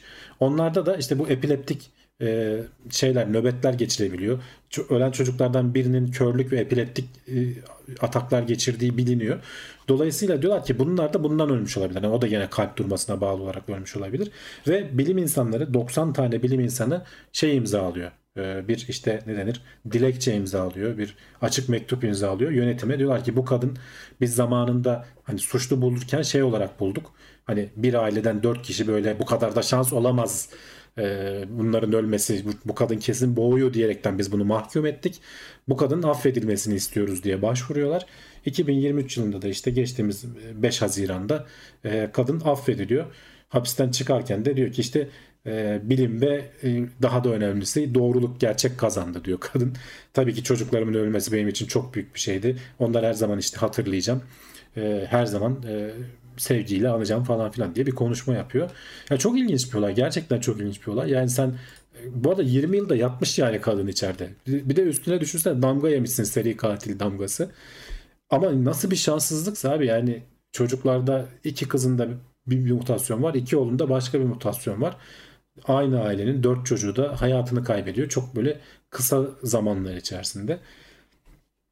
O çok Ee, şaşırtıcı bir haber yani. Beni gerçekten çok Hem şaşırttı. çocukların ölmesi hem kadının üstündeki o baskı yani hem çocuklarını öldürmüş olduğunun düşünülmesi baskısı hem kadının 20 yıl hapis yatması falan hani film yapsan inanmayacağımız ya bu nasıl film yapmışlar diyeceğimiz bir hikaye gibi duruyor baktığın zaman ama suçsuz yere geçen 20 yıl yani haberin ayrıntılarına göre suçsuz yere geçen diyorum çünkü bilemiyorum yani belki de hani başka bir şey mi var hala çok ciddi bir tesadüf gibi de duruyor benim gözümde. Evet. Dört çocukta da. Bu arada Can Serkan Ayhan bunu daha önce konuşulduğunu hatırlıyorum demiş ama belki şeydir 2021 yılında bir başvuruyorlar e, şey olsun diye. E, Belki hani o sırada gene gündeme geldiyse konuşmuşuzdur. Ben hatırlamadım bu haberi ama e, belki de benzeri başka bir haberdir. Ama hani belki çünkü hani öyle hemen salı vermiyorlar kadını. 90 tane bilim adamı yazdı diye hemen salmıyorlar. Ha, 2020'de bir başvuruyor reddediliyor. 2023'te bir daha başvuruyor o zaman onaylanıyor. yani Tazminat alıp o- almayacağı da Ünsal Hanoğlu demiş. Direkt tazminat alır. Şimdi daha şimdi affedildi. Ama davası da e, re- yani dava çünkü sonuçlandı ve ceza almıştı. Onun için de ayrıca başvuruyor. Bu dava hatalıydı reddedilsin diye. Eğer o mahkeme tamam bu deliller eşliğinde biz reddettik derse çünkü valilik kararıyla yani yönetim kararıyla affediliyor. Yani bizde de Cumhurbaşkanı'nın af yetkisi var ya cezayı alıyorsun ama affediliyorsun. Eğer şimdi ondan sonra mahkemeye başvurup cezayı ortadan kaldırman lazım. Yanlış verildi bu diye. O zaman işte devlete tazminat açma hakkı olacak. Şu an yok. Ama en azından hapisten çıktı. Ee, bakalım o şeyler olursa da takip ediyorlardır yani. Evet evet konuşuruz burada. Diyelim haberlerimiz bu kadardı. Ee, şimdi kulis bölümüne geçiyoruz ama araya bir sponsor videolarını vereceğiz. Yayını beğendiyseniz aşağıdan beğen tuşuna basabilirsiniz. Teknoseyir'i desteklemek için kanala abone olabilir. Katıl üzerinden ücretli bir destekte bulunabilir. Süper chat, süper sticker e, gibi özellikleri de kullanabilirsiniz diye hatırlatmış olalım. Sponsor videosu ardından kulis bölümümüzde buradayız. Yorumlarda Evet, neler var? Umut Vural 37 aydır üyeymiş Teknoseyir Plus grubuna gelmiş. Selamlar iyi akşamlar demiş. Teşekkür ederiz desteği için. Karşı dava açıp kaybolan yılların listesini demişlerdi. Kaybolan yıllar geri gelmez. İşte biraz mali bir şeyler verirler. Hı hı. Ama yani o da tabii işte yıllarını geri getirmez. Çektiğin eziyetleri geri getirmez. Gençliğini getirmez yani geri. Ya insan o üstünde kalan baskısı bile insanın her şeyine bedeldir herhalde ya. Cumartesi günü. Cumartesi günü TRT 1'de Pelin Çift ile gündem ötesinde uzaya gidecek Türk astronotlar konuk olacakmış. Bu aralar Türkiye'yi gezmeye başladılar. Diğer e, benim şeyde Tuğan'ın e, Twitter sitesinde şeyde gördüm, hesabında gördüm. E, şey eğitimlerini alıyorlar. Orada yapılacak işte bir 12-13 tane deney vardı. Üniversiteleri gezip o deneyleri hazırlayan ekiplerden eğitim alıyorlar. O deneyi nasıl yapacaklarına yönelik. Bunları da ara ara paylaşıyorlar. Hani e, Tuğan'ın e, hesabını takip ederseniz görürsünüz. Can Serkan Ayhan 40 aydır üyeymiş. De ekstra destek grubuna gelmiş. Herkese selamlar, iyi yayınlar demiş. Teşekkür ederiz desteği için. Teşekkürler sağ olsun. Evet arkadaşlar var mı sorular? Evet konularımız ne? Geçen hafta neler yaşandı, neler oldu, neler bitti? Anlatın bakalım. Ülkemiz yerinde durmuyor ama iyi şeyler var mı? Dur bakayım bir soru var. Enerji aktarım için uzaydan dünyadaki tabakayı yarabilir miyiz? Hava molekülleri enerji kaybettirecek. Yani nasıl yarayacaksın? Atmosferi mi açmayı mı düşünüyorsun? Nasıl olacak o? Ne, nasıl bir yöntemle yarabilir miyiz öneriyorsun? Öyle da- bir şey öyle bir şey yapabilsek zaten hava moleküllerini hani istediğimiz gibi hareket ettirebilsek e, uzaya araç gönderirken de orayı boşluk yaparız düşünsene. Güzel Sürtünme olur yok, bir vallahi. şey yok, mis gibi Ha, olur yani. sürtünmesiz. O zaman Gen bir tedavisinin tam olarak mantığı nedir? Ya gen tedavisi o bölgedeki işte enjekte ettiğin şey o bölgedeki DNA'yı değiştiriyor. O hücrelerin işte bu az önceki o kedi haberinde belli bir hormonu salgılamasını sağlıyor. Sesin Veya işte abi. ne, ne yaptırmak istiyorsan. Hah, geri geldi. Heh, duyuyor musun şu anda? Evet. Tamam. Şey söylüyordum o gen tedavisinin şeyini söylüyordum. Mantığını anlatıyordum. Oradaki hücreleri değiştirip belli bir hormonu salgılamasını veya belli bir işlevi yapmasını sağlıyorsun. Bu kedi örneğinde işte o hormonu salgılatıyor. O da gidip e, yumurtaların olgunlaşmasını engelliyor. Genini değiştirdiğin için o hücreler ölmediği sürece bölünse de değişse de e, o hücreler oralarda kalmaya devam ediyor. Tamamen ortadan kalkana kadar işte yavaş yavaş çünkü hücre bölünüyor bazıları bazıları ölmeye başlıyor zamanla. Hani o popülasyon azalıyor bir yerden sonra.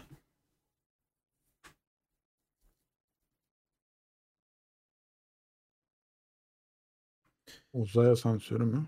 Uzaya doğru dikey bir boru hattı kursak. Ya işte uzay asansörü. İçi vakumlu nasıl yapacaksın? Uzay kilometrelerce yukarıda. Nasıl bir malzeme kuracaksın? Onun basıncını vesairesini falan nasıl ayarlayacaksın? Biz basit bir halat çekemiyoruz şu anda oraya kadar. Uzaya bir halat yerleştirsek de şey yapsak. Bak uzay asansörünü yapsan halat gidiyor geliyor olsa enerjiyi de böyle şeyle aktarmaya uğraşmazsın. Kablosuz aktarmaya uğraşmazsın. Çek kabloyu gönder dünyaya. kablo gitmiş. Cayır cayır çekiyor yani şeyi. Ama işte o kadar uzun kablo kendi ağırlığını taşımıyor, kopuyor. Evet. Mukavemet sıkıntısı var.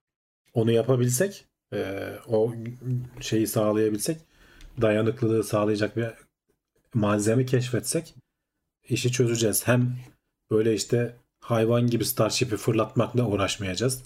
Asansöre koyacaksın, taşıyacak onu yukarıya doğru. İşte şey yapacağız ya. Ee, Amerika uzaydan getirdiği şeylerle çözecek bu işi. UFO şeyleriyle. UFO'larıyla halledecek farklı materyaller göreceğiz oradan.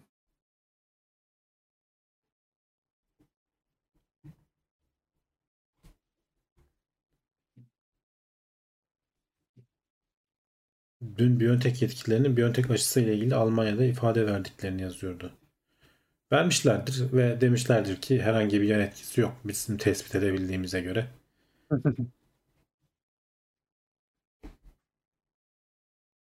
O değil de şey ortaya çıktı. Ayrıntısını daha göremedim de bugün başlık olarak görüp geçtim. Biraz e, şöyle özetini okudum. E, Şey diyorlar bu e, Covid salgını Amerikalıların keşfettiği Çin'deki bir laboratuvarda silah yapımı için planlanıyordu. 2011 yılında mı ne bulundu? O laboratuvardan bir şekilde sızdı ama ilk işin içinde Amerikalılar var. Sonradan Çinliler bir şekilde ele geçirmişler sanırım. Ama yeterince önlemini almadıkları için sızmış e, doğaya. E, bununla ilgili bayağı ayrıntılı bir rapor yayınlandı. Eğer hani haberlerde görebilirsem, bir kaynak bulabilirsem gelecek haftaya konuşuruz bunda.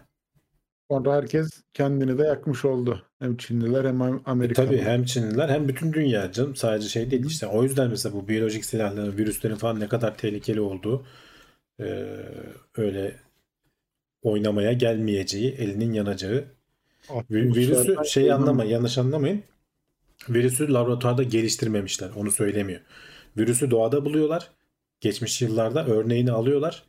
Ee, şeye getiriyorlar işte laboratuvara getiriyorlar. Biz bunu nasıl kullanırız? Ee, gerekirse hani bir Çoğaltırız silah yapımında vesaire falan. Bir şekilde laboratuvardan sızıyor. Tam bir bilim kurgu hikayesi. Filmini çeksinler izleyelim. Hangi virüsten bahsediyoruz? İşte Covid-19. Neydi? SARS-CoV-2. Virüsün ismi oydu. SARS-CoV-2.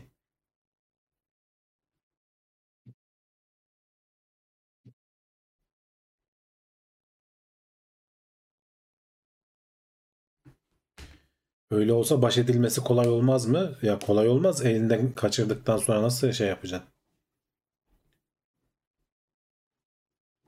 Adamların olayı biz bunu kullanabiliriz. Ee, araştırmaya falan yapıyorlar. Daha aşısı maşısı geliştirilmeden bir şekilde sızmış işte. Atlamış oluyor. Nasıl çıktığı falan bilmiyorum tabii. Daha ayrıntılarını dediğim gibi okuyamadım. Bir bakmamız lazım.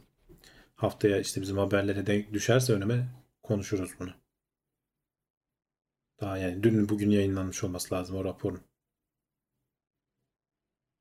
Deney yapıldı demişler de bilmiyorum ya. Deney yapılmış olsa Ya ben bu kontrollü olduğunu düşünmüyorum. Hakikaten geri Evet, zekalılıklarından kaçırdılar Çünkü- ellerinden.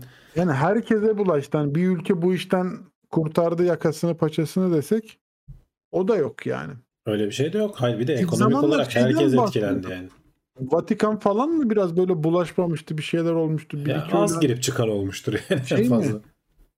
Ee, neydi bir de İs, İsviçre diye isim geldi ya değil. Bak. İsrail İsrail. Evet. Ama daha sonra orada da herhalde. Bak Gökhan demiş ki kim bilir daha ne illet şeyler vardır. Evet kim bilir daha ne illetler vardır ellerinde. İnşallah ciddiye alırlar işte güvenliği eğer hani bu haberler doğruysa bu yayınlanan rapor doğruysa. Tamam evet o laboratuvarlar o kadar uyduruk değil. Böyle çok hassas güvenlik önlemleri falan oluyor ama demek ki işte insan yapısı bir yerde bir hataya neden olabilir. Kimyasal silahlar her zaman çok tehlikeli olmuştur. Bu biyolojik silah kimyasal değil. Ay şey olarak söylüyorum. Evet. Ama Öyle. kimyasallar da tehlikeli dediğin gibi Hı. doğru. Nükleer de Tabii. tehlikeli. Üçünü de. NBC vardı. Sen aldın mı o dersleri? Milli güvenlik dersi vardı bizim zamanımızda. Sizin zamanınızda var mıydı lisede? Ne anlatıyordu tam olarak? İşte nükleer, biyolojik, kimyasal diye ne yapman Ha. gerektiği. Böyle bir saldırı olursa. Yok işte kesik kesik çalarsa, Ha, siren Bilmem çalar. ne, he. Öyle yap. falan. dalgalı çalarsa şöyle. İşte nükleer saldırı olursa nasıl kendini koruyacaksın, ne yapacaksın? Askeriyede şey vardı ya. İşte uçak geliyor. Yok kimyasal saldırı var elini havaya çapraz kaldır herkes uyar falan. Oralardan bir iki şey hatırlıyorum da. Yok işte Okul- onu biz lisede alıyorduk yani. İşte Askerde okul verilmesi gereken. da hatırlıyorum. Ufak bir şeyler hatırlıyorum. Derse komutan gelirdi. Hakikaten emekli albay falan gelirdi. Kapıdan dikkat falan çektirdi bize öğretmen sınıfa girmeden önce. İlginç ilginç işler. Ya ilginç konular aslında. Hani çocukların ilgisini İlginç çekebileceğin güvenlik konular. Mi? Ama işte böyle eski albay malbay yetince o da böyle zart zurt yapınca çocukların dalga konusu oluyor yani. Halbuki çok bu nükleer biyolojik silahlar ben benim çok ilgimi çekerdi hani onlarla ilgili şeyler. Kitabı ben kendim hani ders kitabını kendim okurdum ne anlatıyor burada diye.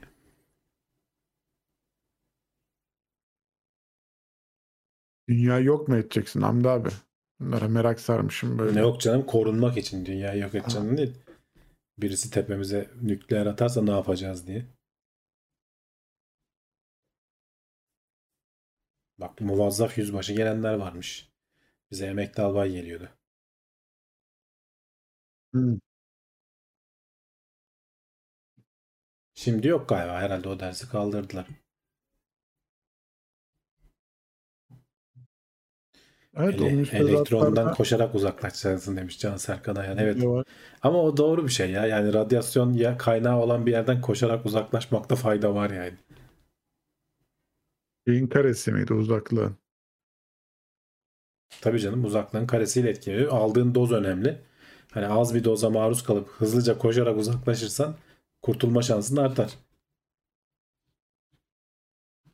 Bir de ayaklarım sonra yere yatıp ayaklarımızı mı şeye uzatacaktık? Patlama bölgesine. He, değil mi? Oradan uzaklaşarak. Kafamız uzak olacak.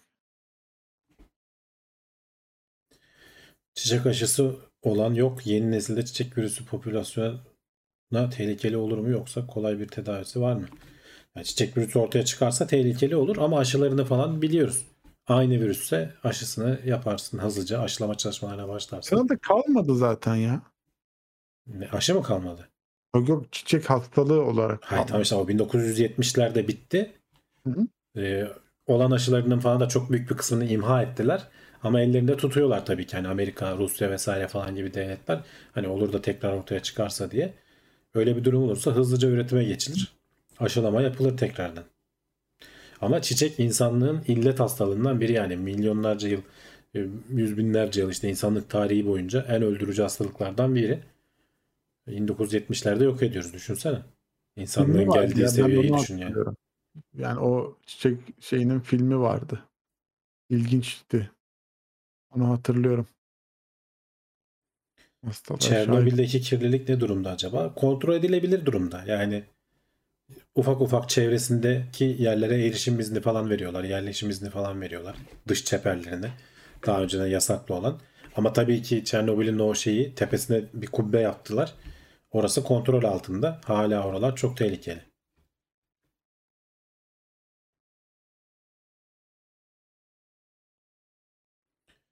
Su çiçeği değil. Su çiçeği başka bir hastalık. Çiçek hastalığı başka bir hastalık.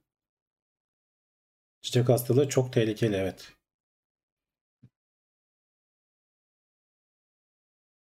Koşarken yoğurt ve incir de yersen demiş Dert. Şey mi alıyor? Radyasyonu mu alıyor ikisi? Tabii. Yoğurt ve incir. Zehre karşı korur. Şey mi olacak? Manda yoğurdu olursa daha çok daha çok alıyor mu radyasyon? Manda Ya, yoğurdu. onu bilemem. biraz Şey hurması olsa tarifi değil miydi şeyin? Baş, Cumhurbaşkanı. Özel sektörde şirket yönetimi için insan yerine yazılımlar kullanıyor musunuz? Lojistik görev dağılımı gibi şeyler için illa bugünkü gibi detaylı yapay zeka kavramları olmadan dahi. Yani biz kullanmıyoruz. Bizimki çünkü çok küçük bir firma. e, Startup seviyesinde. Ama büyük firmalarda tabii ki bir otomasyon, bir bu işleri kolaylaştıran şeyler vardır, araçlar vardır. Dediğin gibi günümüz yapay zeka şeyi olmadan, e, yeni nesil desteklenen sistemler olmadan da bu alanlarda çözüm üreten bir sürü yazılım var. Gitgide de iyileşecek bunlar. Daha iyi noktalara gidecek.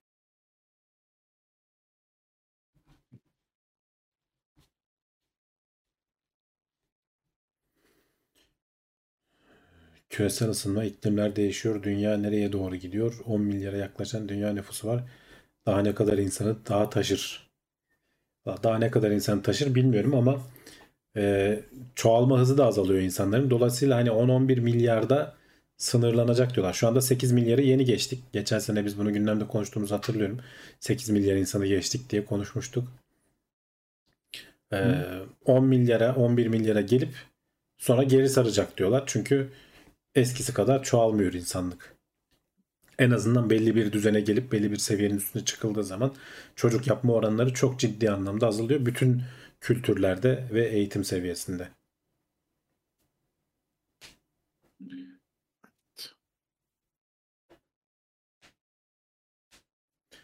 Tahmin edilenden çok daha fazla insanı taşır. Ya şöyle tabii ki hani teknoloji de geliştikçe e, işte verimliliği arttırıyoruz. İşte şimdi GDO'su bilmem nesi vesaire falan sayesinde alabildiğin şeyi arttırıyorsun. Verimi arttırıyorsun.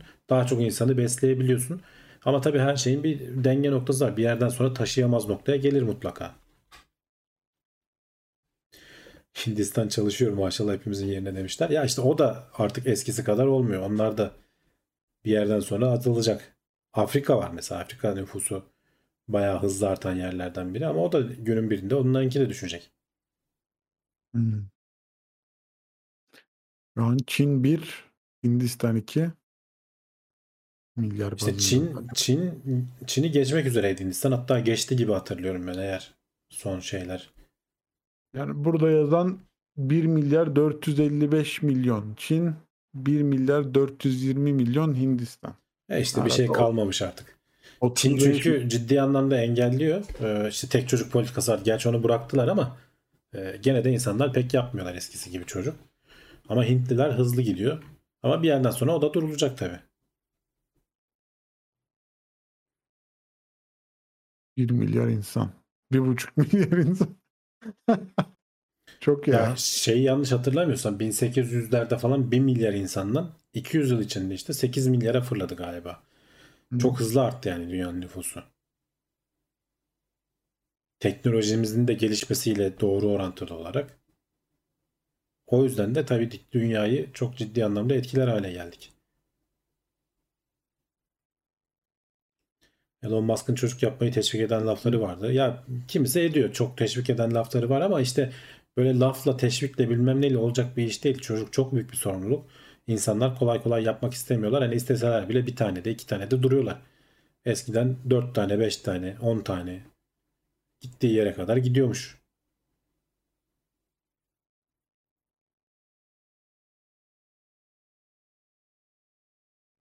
Nijerya'nın e, 2050 yılında 7. sıradan 3. sıraya yükselmesi E işte öngörülmüş.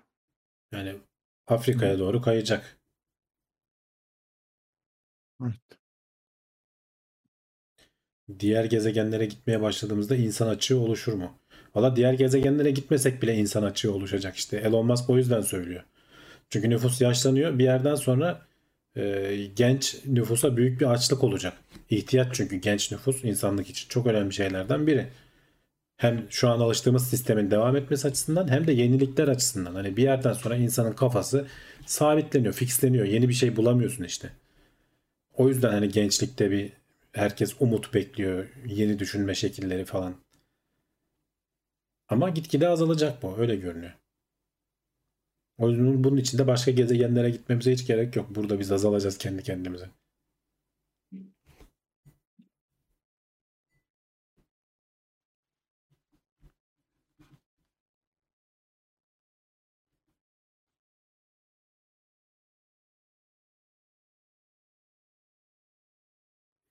Diğer gezegenlere giden çok olursa dünyanın kütlesi azalır, dengesi bozulur demiş Elixir. O onun için baya baya dünyanın Bayağı kütlesi çok büyük olduğu için hiç etkilemez bile. Hayır hani şey de önemli ya orada. Sadece insan ağırlığı değil gönderilen mekiğin işte bilmem Tabii nesi tabii olsun. canım yani. Onlar da çok ciddi. Hayır zaten şöyle düşün. Her yıl atmosferden tonlarca hidrojen, helyum falan kaçıyor dünyadan. Yani dünyanın yer çekimi çekemiyor. Yeterince tutamıyor çok uçucu gazları. Güneşin rüzgarları da süpürüyor. Onun bir hesabı vardı. Şimdi hatırlayamıyorum da tonlarca olduğunu hatırlıyorum. Her yıl tonlarca hidrojen gazı, helyum gazı atmosferden kaçıyor. Dünyanın ağırlığı değişiyor yani sürekli olarak. Ama bir o kadar da gelen var tabii. Toz yağıyor bir sürü. İşte göktaşı geliyor, bir şeyler oluyor. Bunlar birbirini dengeliyorlar. Bir miktar. Dengelemese de çok fark etmez. Çünkü dediğim gibi dünyanın ağırlığı o kadar büyük ki o kütle çok küçük kalır. Gidenler, gelenler falan aradaki fark.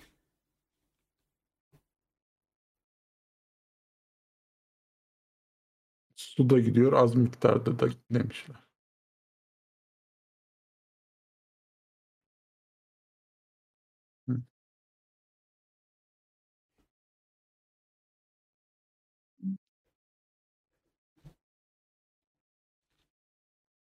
Genç nüfusun önemi büyük ya.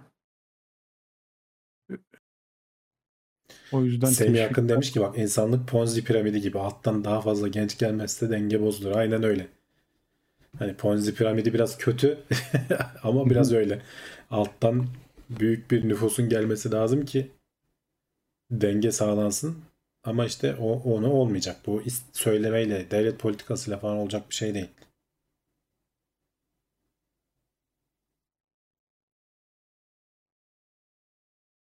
Evet. Nedir sorular? Gidiyoruz. Sorun bakalım. Evet, son 4-5 dakika arkadaşlar hadi. Varsa bir şeyler. Cevabını bildiğimiz. Üzerine konuşabileceğimiz. Cevaplayalım.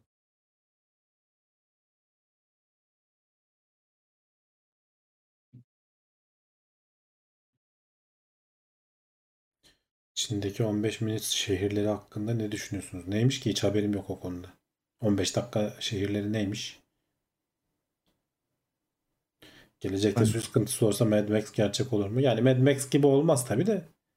Su sıkıntısına, yani su savaşları olacağı söyleniyor. Şu an bütün raporlarda bu yüzyıl içerisinde su savaşları ki küçük çaplısı başladı. Mesela Afganistan'la İran geçtiğimiz ay içerisinde çok ciddi bir gerilim yaşadılar. Su nedeniyle. Ki bize de sürekli işte Suriye ve Irak'tan habire istek geliyor suyla ilgili. Yarın bir gün daha sıkıntı hale geldiği zaman su olayı çok ciddi olacak.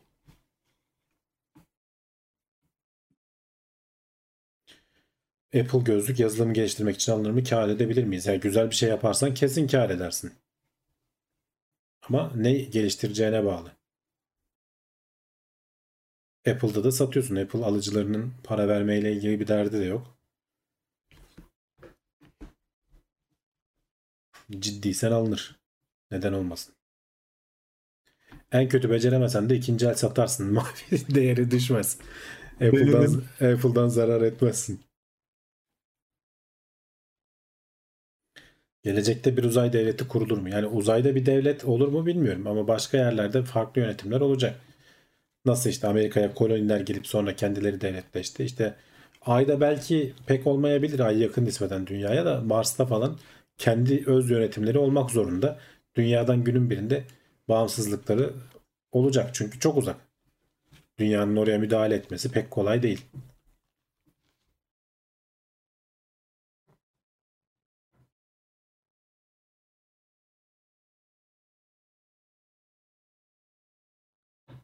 ...15 dakikalık şehir, iş, alışveriş, eğitim, sağlık, eğlence gibi günlük ihtiyaçların hizmetlerin çoğunun kolayca gerçekleştirilebileceği bir şehir planlama konseptidir. Hmm. Şimdi Arabistan'da Line diye bir şehir planı var. Evet yani bir NEOM diye bir proje var. Araştırın arkadaşlar. Adamlar inşaatına başladılar bunun. Suudi Arabistan trilyonlarca dolar gömüyor bu projeye. Ee, ülkenin sol üst tarafına doğru bir yerde böyle düz hat 170 kilometrede falan uzanan dümdüz bir hat yer altına şehir kuruyor adamlar. Yerin üstünde de tabii parçaları var ama iletişim iletişim işte yollar falan yerin altında olacak. Böyle geleceğin şehrini kuruyoruz diye bütün konseptleri hani deli gibi para harcıyorlar şu anda inşaatına başlandı. Ee, kendi şeyi olacak hani kuralları Suudi Arabistan kuralları olmayacak. İşte oraya dünyadan insanlar gelsinler falan filan diye. Kendi iç yönetimi falan olacak. Bunun demek ki bir örneğinde Çin'de de mi başlamışlar? İlginç. Şimdi Araplar petrolün artık yavaş yavaş sona gelmeye başladığının farkındalar. Ellerinde de deli gibi para var. Bunları işte yatırım yapıyorlar. İşte yok çip üretme fabrikaları kuruyorlar. Uzay araştırmalarına harcıyorlar bir kısmını. İşte böyle dev şehirler kuruyorlar. Bilmiyorum işe yani projenin sonu gelir mi bilmiyorum ama iyi para harcıyorlar şu anda oralara. O Neom diye arayın. Neom diye yazılıyor. İnternette videoları falan var. Çok ilginç bir proje yani. Hmm. Drone delivery işi bitti mi? Yani uygulanan yerler var. Ben bitti diyemem. Ama hani o kadar çok yaygın da değil.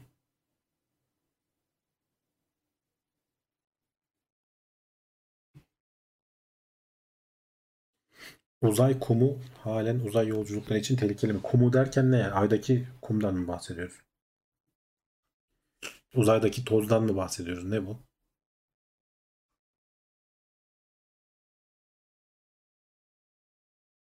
ChatGPT gibi AI uygulamalarını gündelik hayatta ne sıklıkla kullanıyorsunuz? Ya ben çok fazla kullanmıyorum açıkçası. Hani biraz oynadım ettim falan ama yani ondan sonra gündelik hayatıma henüz entegre edemedim ben. Ama kullananlar var benim gördüğüm. Yani bir şey yazarken İngilizce bir şey yazdırırken falan hani onu kullanarak yazdırabiliyorsun. Hı hı. Maili falan hani düzelttirebiliyorsun. Oradan öneriler alabiliyorsun. Bir şeyleri özetlettirenler falan var. İşte bizim Cevdet kitap bile yazdı yani adam oturdu. Sayfalarca kitap çıkarttırdı ChatGPT'ye. Ama benim de öyle hayatıma etki eden bir alanı olmadı ya. Ben cevapların doğruluğundan emin olmadığım için başvurmamayı tercih ediyorum. Elixir demiş ki genlerle oynayıp tavuk benzeri bol etli bir hayvan yaratılsa ismi de tav ördek olsun. Mesela dini açıdan tüketilmesi sakıncalı olur mu? Bunu Diyanet'e yazmanı tavsiye ediyorum Elixir. Bizim biz biz biz yetkili değiliz bu konuda. Ama ilginç bir soru yani. Ben de merak ettim acaba olur mu? Hani düşünsene bildiğimiz şimdi mesela sentetik yaşam formu ürettik falan filan diye geçmişte konuşmuştuk. Dünya üzerinde normalde olmayan bizim genlerini oynayıp ürettiğimiz bir canlı çıkarsak ortaya bence caiz olur. Niye olmasın ki yani? Bir zararı var mı? Hani insana zarar vermeyen bir şeyse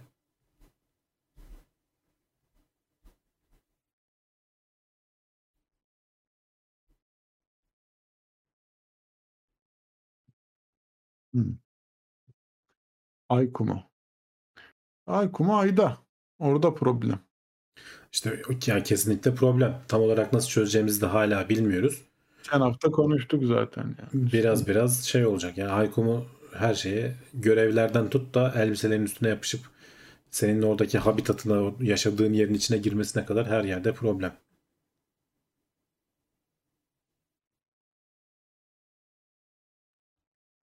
Evet. Evet Hadi saatimiz geldi. Haftaya gene buradayız. Bir sıkıntı çıkmazsa bir aksilik olmazsa, bir şey yaşanmazsa çok elzem ve önemli bir Volkan'ın sesi kesilmezse sesimi bastırmaya çalışıyorlar diye eylem yapacağım. Sıkıntı yok. Ee, umuyoruz ki eğlendiniz ve bilgilendiniz. Ee, teşekkür ederiz izlediğiniz için. Ee, bir aksilik olmazsa haftaya görüşmek üzere. Hoşçakalın. hoşçakalın.